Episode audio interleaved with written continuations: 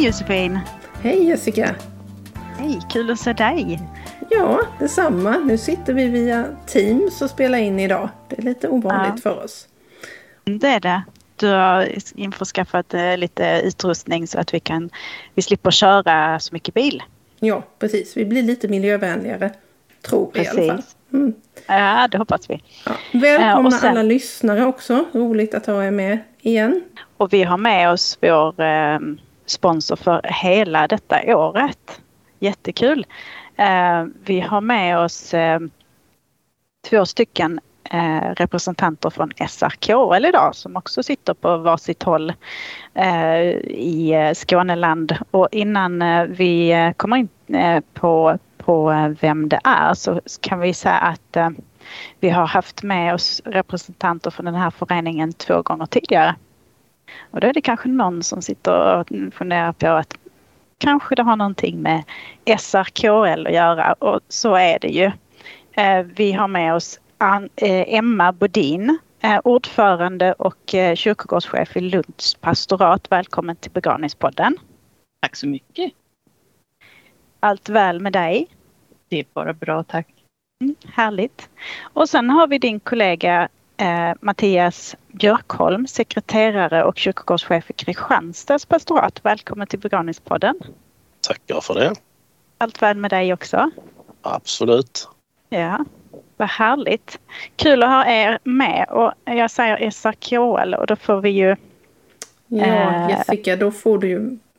Jag vill också säga varmt välkomna till Emma och Mattias. Men Jessica, du får ju berätta SRKL. Vad är detta? Då måste jag ju hela tiden slå upp detta för att jag kommer ju nästan aldrig ihåg aj, aj, aj. den perfekta eh, liksom, vad, det, vad det är för någonting. Utan det här är alltså då samarbetsgruppen för regionala kyrkogårdsfrågor i Lunds stift. Eh, och för er som då har hängt med vet att vi har haft representanter från SAKL två gånger tidigare avsnitt 16 då pratar vi om stensäkring med eh, Magnus Näström eh, och eh, avsnitt 23 eh, pratar vi om kris och beredskapsarbete med er dåvarande ordförande Mattias Schultz. Eh, och eh, vi kommer ju faktiskt osökt in på då vad är SRKL och vad, vad gör de? Nu kan man ju räkna ut detta lite med tanke på vad vi har pratat om innan. Eh, och innan vi ska prata om era grupper och sådär så Mattias kan du inte ge lyssnarna lite historik kring SRKL? Jag ska göra ett försök i alla fall. Även om eh, varken jag eller Emma var väl knappt födda när det här drog igång. Så tror vi efter lite efterforskning att man startade tidigt 70-tal Eh, ett gäng, eh, det var väl mest herrar på den tiden som eh, innehöll sådana här tjänster som jag och Emma har. Och då skapade man sig ett kontaktnät. Man, jag tror utgångspunkten var egentligen att man skulle ha lite gemensamma utbildningar och man tittade på gemensamma maskininköp. Redan då så gjorde man konferenser. Det har ju hängt med under SRKs tid länge. En konferens och en höstkonferens. Och på, i början då var det ganska vanligt att man hade en av konferenserna på eh, TT-Line-färjorna. Man turade för det var ganska billigt på den tiden. Och Mattias, nu har vi inte bara skåningar med oss här utan Tura, vad är detta nu då? Vad är detta för fenomen? Ja, det ska man väl egentligen vara från kusten för att svara på men det är när man går på en färja antingen till, oftast är det väl mellan Helsingör och Helsingborg egentligen. Att man sätter sig på färjan och så äter man en god macka och dricker någonting till den och sen åker man tillbaka igen utan att gå över i Danmark eller Tyskland i det här fallet när det var mellan Trelleborg och Travemünde. Ja precis, man åker fram och tillbaka och så sitter man där så länge man vill. Och så... Precis. Mm. Och vi har väl fortsatt i den här andan att, att, att, skapa nätverk och kommunicera med varandra eh, för gemensam vinning så att säga. Eh, nu har inte vi varit med så jättelänge men eh, det är min bild att samarbetet eller en SRK har fungerat ungefär likadant under ganska lång tid och det tycker jag är rätt imponerande att man har lyckats hålla liv i den här föreningen så länge. Och ehm, då kommer vi lite in på vad det är ni, eh, ni gör för någonting. Du pratar om eh, att ni anordnar en konferens. Eller två. Eh, det brukar vi försöka göra. Ja. En, en vårkonferens som brukar vara i mitten av mars där vi också avhåller årsmöte för föreningen. Och den vandrar runt i Lunds stift. Vi försöker sprida ut det så gott det går och till, i mars kommer vi att vara i Ystad.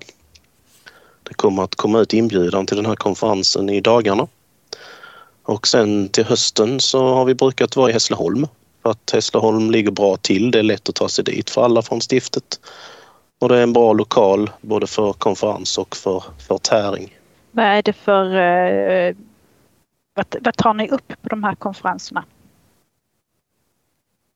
Det, det varierar ju stort såklart men det är ju eh, tanken när vi planerar och funderar på vilka föreläsningar och vilka vi ska bjuda in handlar ju mångt och mycket om vad är det som är på tapeten just nu inom begravningsverksamheten? Vad är det som diskuteras? Vad är det som är intressant? Eh, har det kommit någon ny eh, AFS när det gäller arbetsmiljön eller har vi fått nya direktiv när det gäller någonting eh, som har med stensäkring att göra kanske eller är det eh, ja, eh, växtsjukdom. Eh, vi det var, inte, det var ju stora problem här för ja, nu börjar det ju vara dryga tio år sedan ju såklart med buxbomssjuk och sådana saker. Så vi försöker ju hålla liksom eh, örat mot marken och utåt och inåt för att liksom hitta det som, ja men vad skulle vi själva vilja lära oss mer om eller lyssna eller få samtala om för vi tänker att det, det delar ju ja, det delar ju våra eh, kollegor i stiftets liksom vardag också.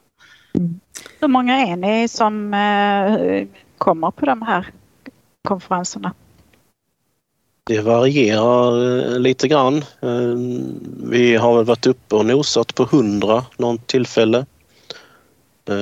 Det var framförallt på vårkonferensen som det oftast är lite fler deltagare. På höstkonferensen kanske det ligger på en 65, 70, 75 någonting. Eh, varje, vi, vi har ju försökt eh, att göra ett samarbete med en konferens med vår motsvarighet i eh, Blekinge, Småland och Halland. Det finns ju en liknande förening som heter BSHR.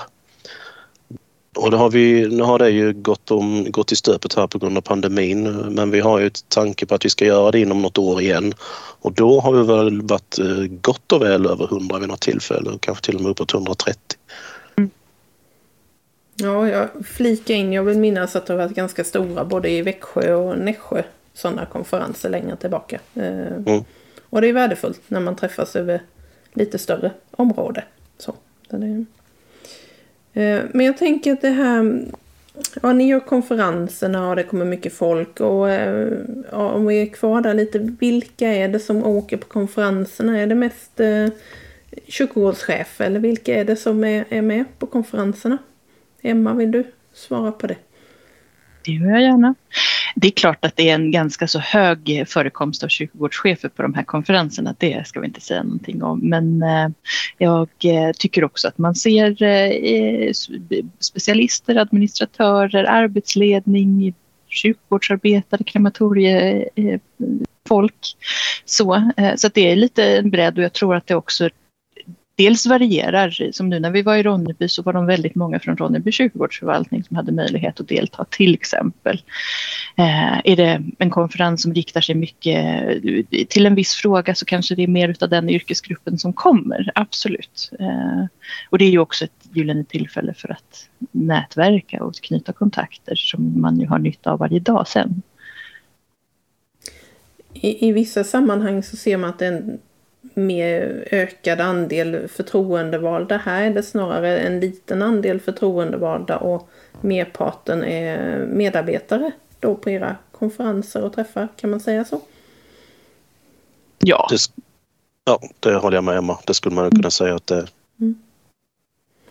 Men sen så tyckte jag nu här på sista konferensen vi hade så såg man ju pratade med flera eh, förtroendevalda som kanske var nya i sin roll eh, med någon form av ansvar för begravningsverksamhet. Och man ville försöka lära sig mer och det är ju jättekul när det, det finns ett sådant engagemang och man kan möjliggöra att delta eh, på, på, det sättet. För det blir lokalt förankrat också eh, och kanske inte så besvärligt att ta sig som att åka till en rikskonferens till exempel. Så, där, så att, tonvikt absolut på, på, på medarbetare och anställda men det är klart att lite förtroendevalda har vi också fått med.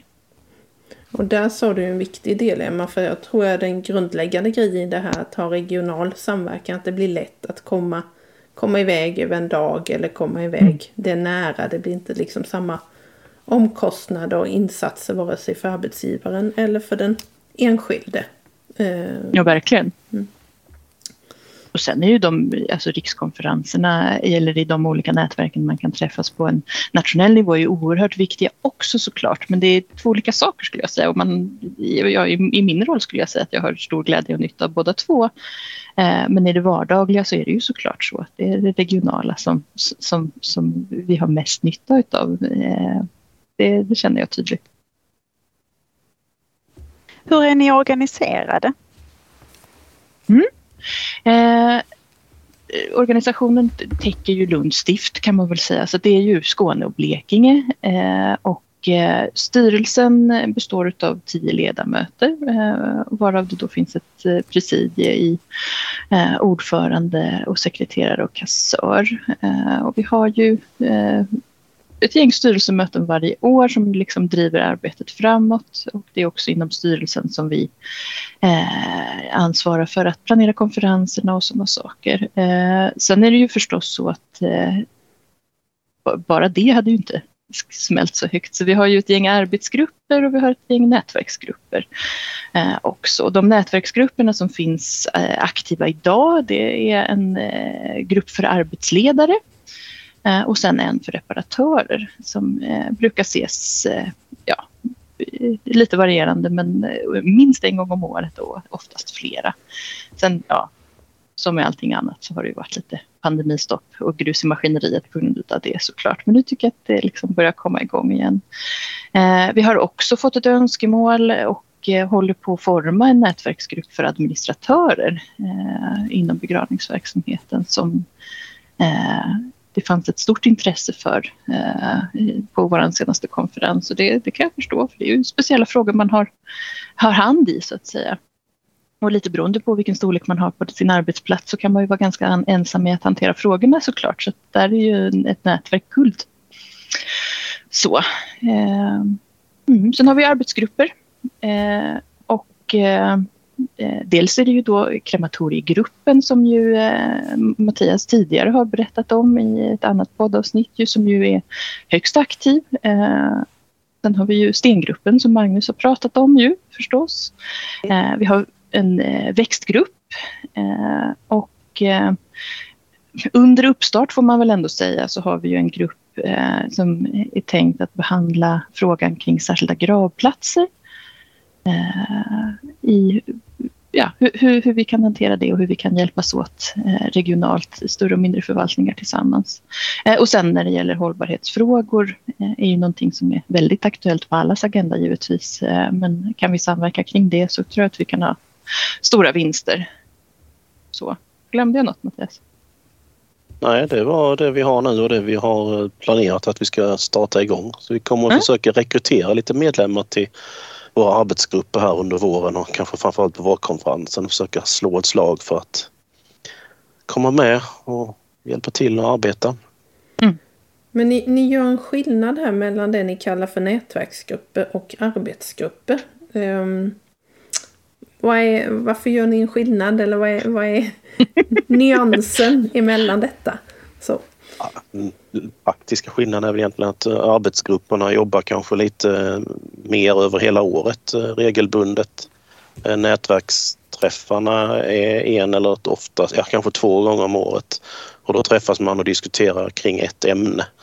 Arbetsgruppen har ju, har ju liksom en uppgift att föra ett, ett arbete framåt.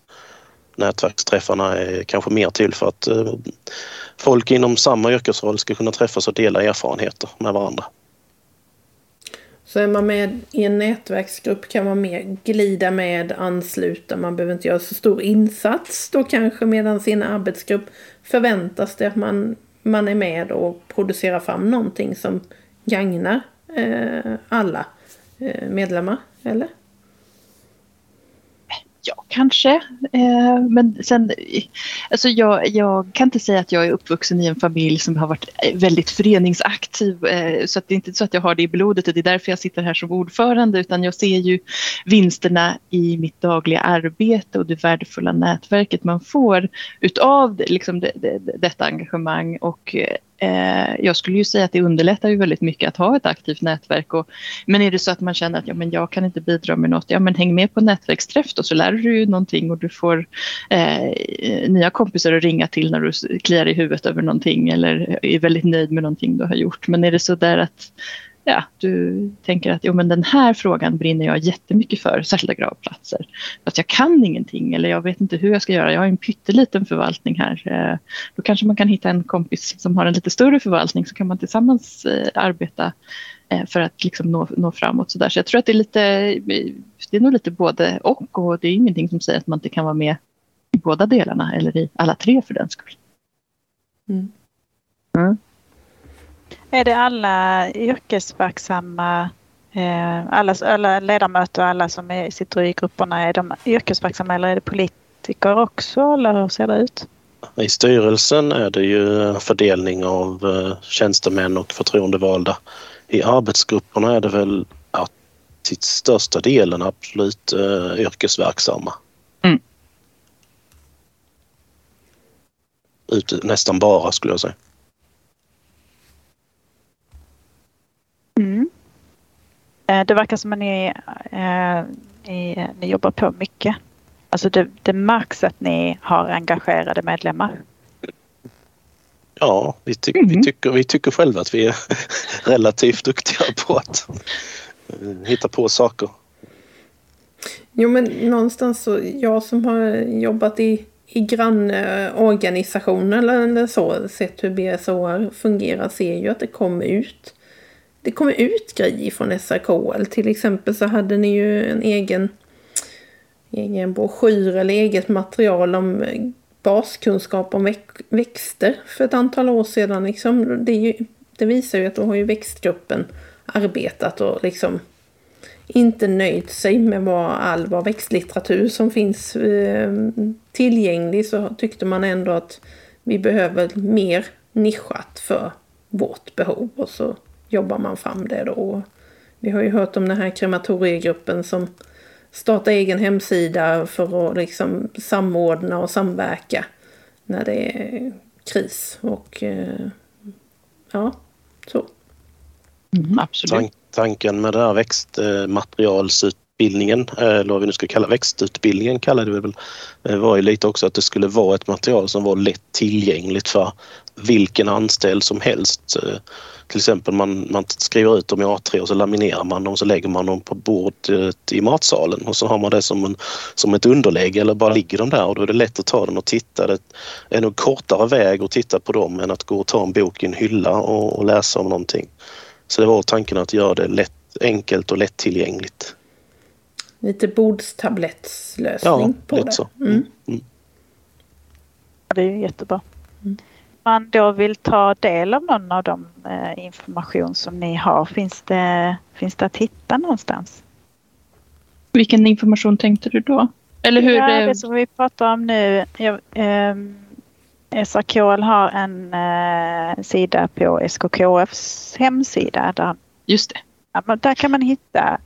Där hittar man ju kontaktinformation till styrelsen framför allt ju eh, och eh, lite löpande med kanske viss fördröjning så läggs det ju också upp eh, inbjudan till konferenser och sådana saker men det allra enklaste är ju att bli medlem tänker jag.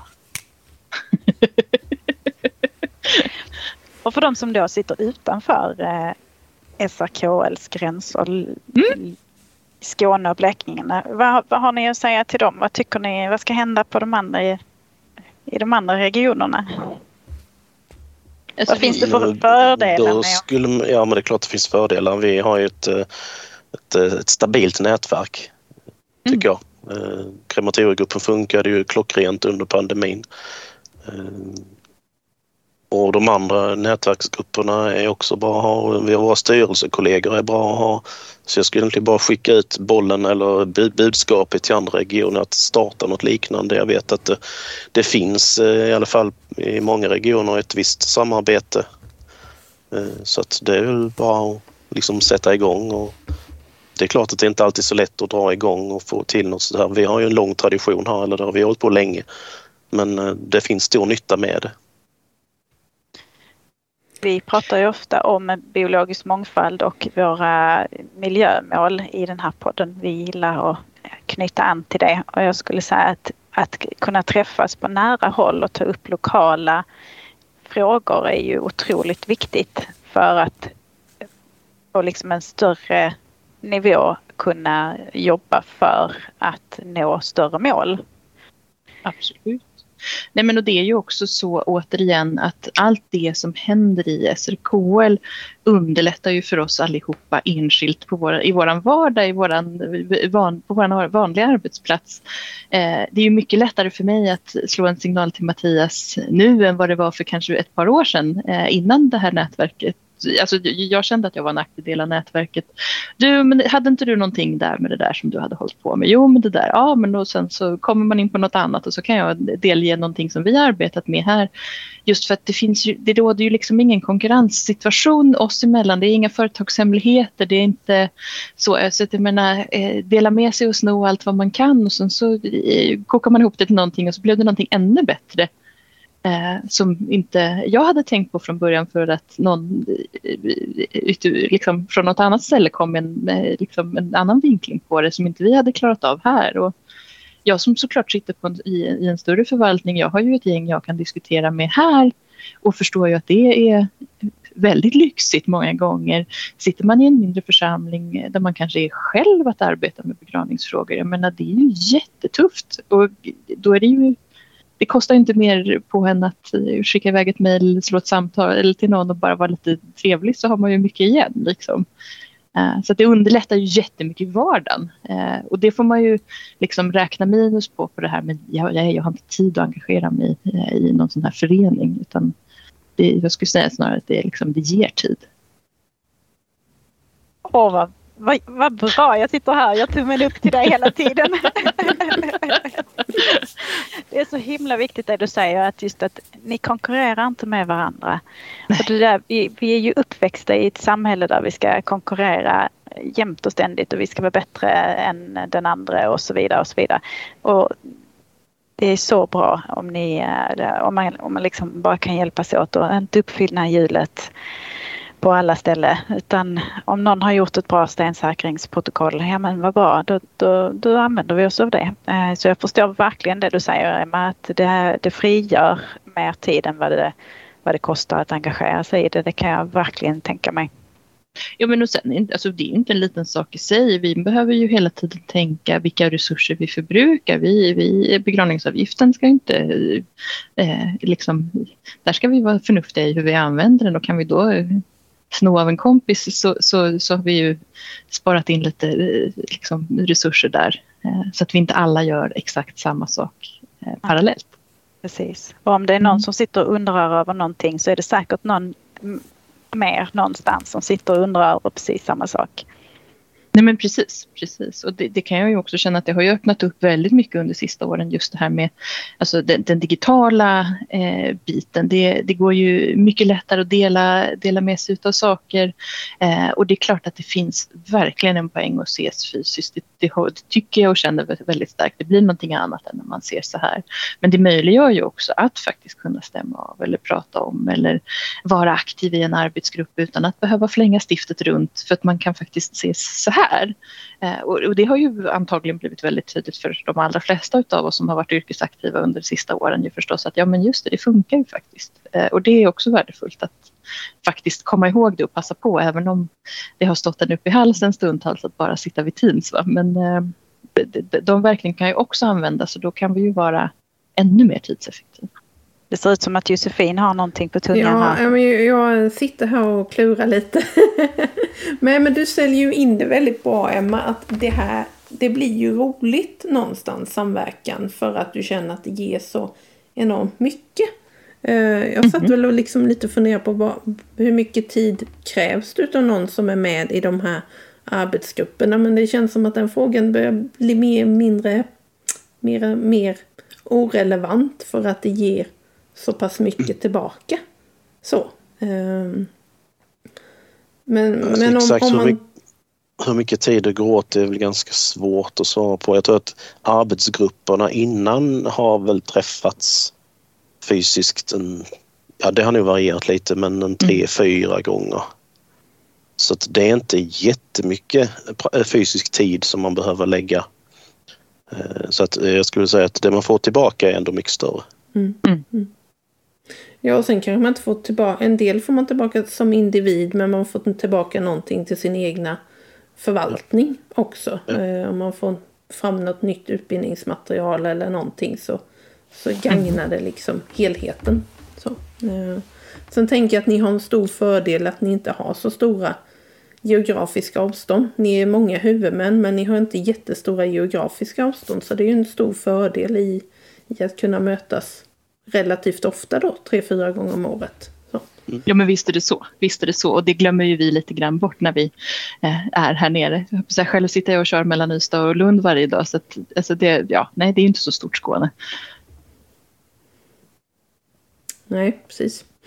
Eh, nej, för tar man BSHR så blir ju ytterkanten i Varberg i ena änden och Oskarshamn i andra änden och sen så har man två timmar vardera väl för att mötas på mitten liksom. Så att det, jag menar det. Krävs det, krävs det lite mer. Så. Mm, Men absolut. allt är ju görbart som du säger med det digitala. Eh, mm. Man kan träffas oftare. Så det.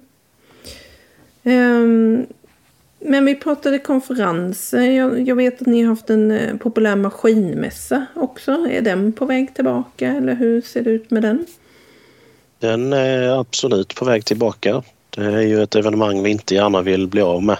Den är ju upp, uppställd även, även utanför SRKLs eh, domäner egentligen. Kanske, det kommer ju folk från, eh, ja framförallt från BSH också, men det kommer också ibland folk från andra jag tänkte andra branscher, men även grönytebranschen, men alltså fastighetsfolk och kommunanställda besöker också den mässan. Och det är planen att den ska gå av stapeln igen 2024. Mm. Ja, det blir härligt. Det är många som ser fram emot att åka på de träffarna. Mm. Mm. Eh, när du inledde Jessica så hade vi det här lite med aktuella frågor och sånt. Vad, vad ligger som, och Emma du nämnde någonting, med, men vad ligger för aktuella frågor just nu i, eh, i er region? Vad, vad är på tapeten mest? Mm. Ja, det är såklart, eh, särskilda gravplatser eh, är ju aktuellt särskilt för de mindre huvudmännen. Eh, eh, just att hitta egna lösningar såklart. Och sen hållbarhetsfrågor givetvis, därav liksom uppseglande arbetsgrupper.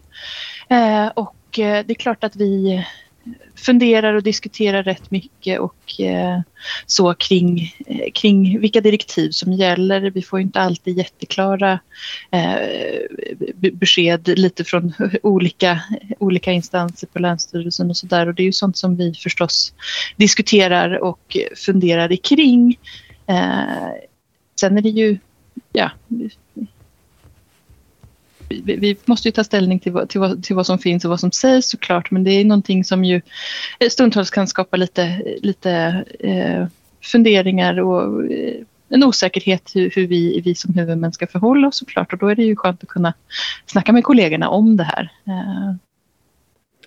Och då tolkar jag dig att här pratar du lite både kulturmiljölagstiftning men också ekonomi och begravningsavgiften, hur den får nyttjas. Så exakt så. Du uttrycker det bättre än jag, men det är det jag menar. jag bara fyller i helt enkelt på vad jag misstänker att du syftar på. Så att det, mm, mm, mm. mm. Ja, men det är de frågorna som är aktuella för er. Um, jag tror ni också hade någonting om riskfyllda begravningar på kommande konferenser. Hade ni inte något sånt? Det här är en programpunkt som heter eh, riskbegravningar, ja. Stämmer. Mm. Vad, vad gömmer sig i, i det begreppet? Ja, från början gömmer sig väl eh, just det här att vi... Eh, eh, jag tror det har egentligen startat i Malmö i Lunds stift att man har begravningsgäster ibland har att det har blivit lite halvt hotfulla situationer. Man har skottsäker väst på sig, man är beväpnad.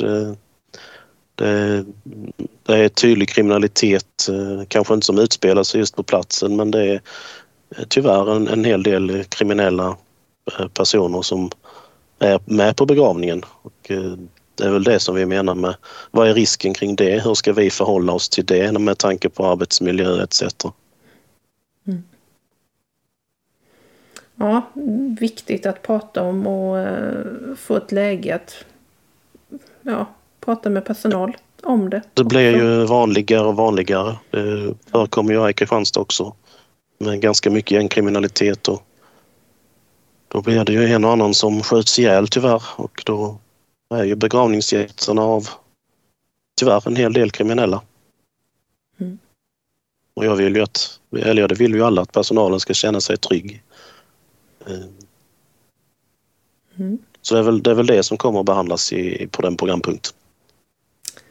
Då är det ett uh, värdefullt tips att uh, ansluta till det. Eller om man är längre ifrån och i en annan region att ha något motsvarande. För det är ju inte bara Skåne-relaterat det här eh, beteendet eller företeelsen eller vad vi nu ska kalla det. Så. Eh, nej, vår personals säkerhet är viktig. Så. Ja, och någonting som vi också jobbar med är ju att försöka liksom täcka in hela stiftskartan just att eh, vi har några liksom, lite tomma fläckar på vår SRKL-karta. Så där att vi försöker hitta eh, förvaltningar som vill vara med liksom, i, i hela stiftet. För det ser ju vi som värdefullt och vi kan ju hoppas att de som inte är med också kan förstå eh, poängen med det så att säga. Så det, det, där bedriver vi väl lite olika former av eh, rekryteringsverksamhet. Eh, inget olagligt än så länge men... Eh... än så länge. Mm. det, det hoppas vi att vi inte håller på med. Nej, det ska det inte bli. Det ska det inte bli. Nej, men just det där att eh, det, det, är ju värdefullt för oss att, att vara så heltäckande som möjligt för då får vi ju också en bredd i, i, i, i de frågorna som behandlas och de, eh, ja, det, det man står inför i det dagliga. Liksom. Det är också viktigt att täcka både stora förvaltningar och mindre förvaltningar för där är också problematiken olika. Ja, verkligen. Jag tror mm. att det vi har haft svårast med att nå det är väl en, en hel del mindre förvaltningar i de sydöstra delarna av Skåne och kanske de inre delarna av Skåne och inre och norra delar av Blekinge. Mm. Vi har inte, inte lyckats nå eh, dem och få dem att bli medlemmar men vi tänker inte ge upp. Vi tänker fortsätta kämpa för att utöka medlemsantalet. Har ni, har ni något annat, Emma eller Mattias, som ni känner att ni vill ta upp och, eller tipsa om till andra som sitter i motsvarande roller? Eller med... Men jag kan ju tänka mig att sitter man någonstans eh, och jobbar med begravningsverksamheten där man inte har ett, ett, ett, nät, ett regionalt nätverk som är så pass aktivt som SRKL är så kan man ju bli lite trött när man hör oss prata om och så har vi det och så har vi det och så gör vi det och så gör vi det. Men alltså, vi, vi har ju förstås de här grabbarna på 70-talet och tacka att vi har kommit så långt. Men det är ju ingenting, alltså man behöver inte göra allting på en gång så att säga. Kan man börja med att få ihop något form av nätverk eh, för en yrkesgrupp eller kan man börja, alltså, eh, ensam kan man inte göra allt men alla kan ju kanske göra något om man känner att det kunde berika, berika min, min, min, min vardag och det, det kan ju vi verkligen skriva under på att det gör det ju. Det underlättar ju och berikar på ett väldigt positivt så, så om, man är, om man lyssnar på detta, om man är driven i någon fråga så att sälja in det till chefen att man ska börja eh, nätverka med. Det, är liksom, eh, mm. det borde inte vara så svårt. Ni som sitter på chefsposterna, vad, vad ska de komma med för argument? Nej men jag menar det. Jag menar det. Mm. mm. Jag tror kommer de med argumentet att eh, det kommer gynna mig i min yrkesroll eh, så är de flesta chefer beredda att lyssna på det. Mm. Så får de tipsa om detta avsnittet så att eh, cheferna ja. lyssnar. Precis. ja, vad fint. Eh, vi sa inledningsvis här att eh, ni är ju med oss och sponsrar oss eh, under 2023 och det är vi otroligt tacksamma för. Eh, har ni något mer som ni vill tillägga till, i det här samtalet?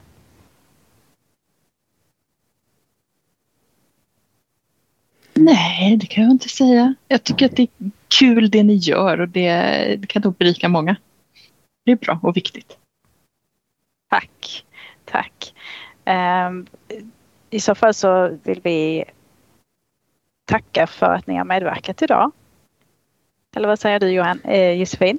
Ja, absolut. Stort tack Emma och Mattias och eh, tack till er lyssnare och ni får jättegärna höra av er och med eh, reflektioner eller infallsvinklar till, till antingen till begravningspodden eller till Emma Bodin i Lunds pastorat eller Mattias Björkholm på eh, och eh, vad ni tänker kring detta ämne och samverka regionalt. Absolut. Om man efter detta avsnittet känner att nej, men jag vill se till att min eh, församling blir medlem i SRKL, då tar ni bara kontakt med oss så löser vi det. Precis. Då får man dessutom ett lägre pris på våra konferenser. Just oj, oj, oj. Ja, visst. Vad härligt att höra. Eh, tusen tack för idag. Tack ska ni ha. Hej, tack, tack. hej. hej. Du vet väl att du kan följa begravningspodden på sociala medier? Vi finns med konto på Instagram och Facebook. På Facebook lägger vi dessutom upp lite extra länkar och nyheter då och då. Så eh, häng gärna med där. Möjligheten att sponsra Begravningspodden och Begravningspoddens fortsatta utveckling finns också. Vill du vara med så hör av dig till info.begravningspodden.se eller via vår hemsida begravningspodden.se. Vi hörs. Tack för att du lyssnade.